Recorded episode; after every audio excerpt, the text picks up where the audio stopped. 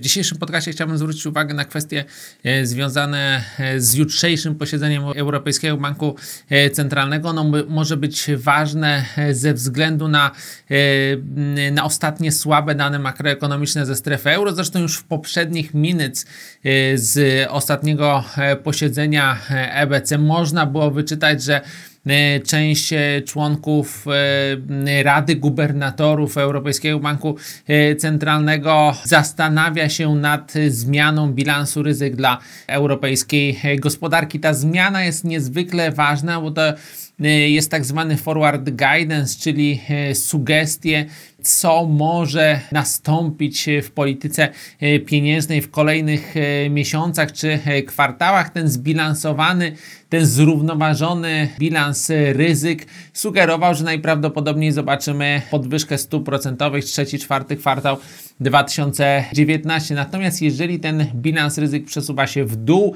jeżeli jest więcej zagrożeń niż szans dla europejskiej gospodarki, jeżeli są większe zagrożenia dla prognoz w dół, jeżeli chodzi o wzrost gospodarczy czy inflację, no to tej podwyżki stóp procentowych prawdopodobnie nie będzie. Jak nie będzie podwyżki stóp procentowych, no to oczywiście to jest negatywna informacja dla europejskiej waluty. Dlatego jutrzejsze posiedzenie będzie ważne według nas.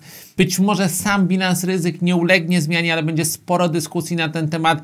Być może reporterzy, dziennikarze wyciągną jakieś e, hipotetyczne zmiany prognoz dla EBC, czy ze strony EBC, gdyż e, finalnie, czy, czy oficjalnie oficjalnie one pojawią się dopiero na następnym posiedzeniu. Ostatnie były w grudniu, teraz e, następne powinny być w marcu, ale, ale być może jakieś e, szczegóły zdradzi Mario Draghi, więc takie małe, małe rzeczy, e, mniejszy optymizm, większy pesymizm, właśnie te elementy związane z bilansem ryzyk elementy związane z dochodzeniem inflacji e, do celu, jakieś problemy e, natury politycznej, strukturalnej w strefie euro, to są wszystko kwestie, które prawdopodobnie będą skłaniać EBC do tego, żeby nie podnosić stóp procentowych w tym roku, a przez to szkodzić europejskiej walucie, osłabiać europejską walutę i spychać główną parę walutową w dół.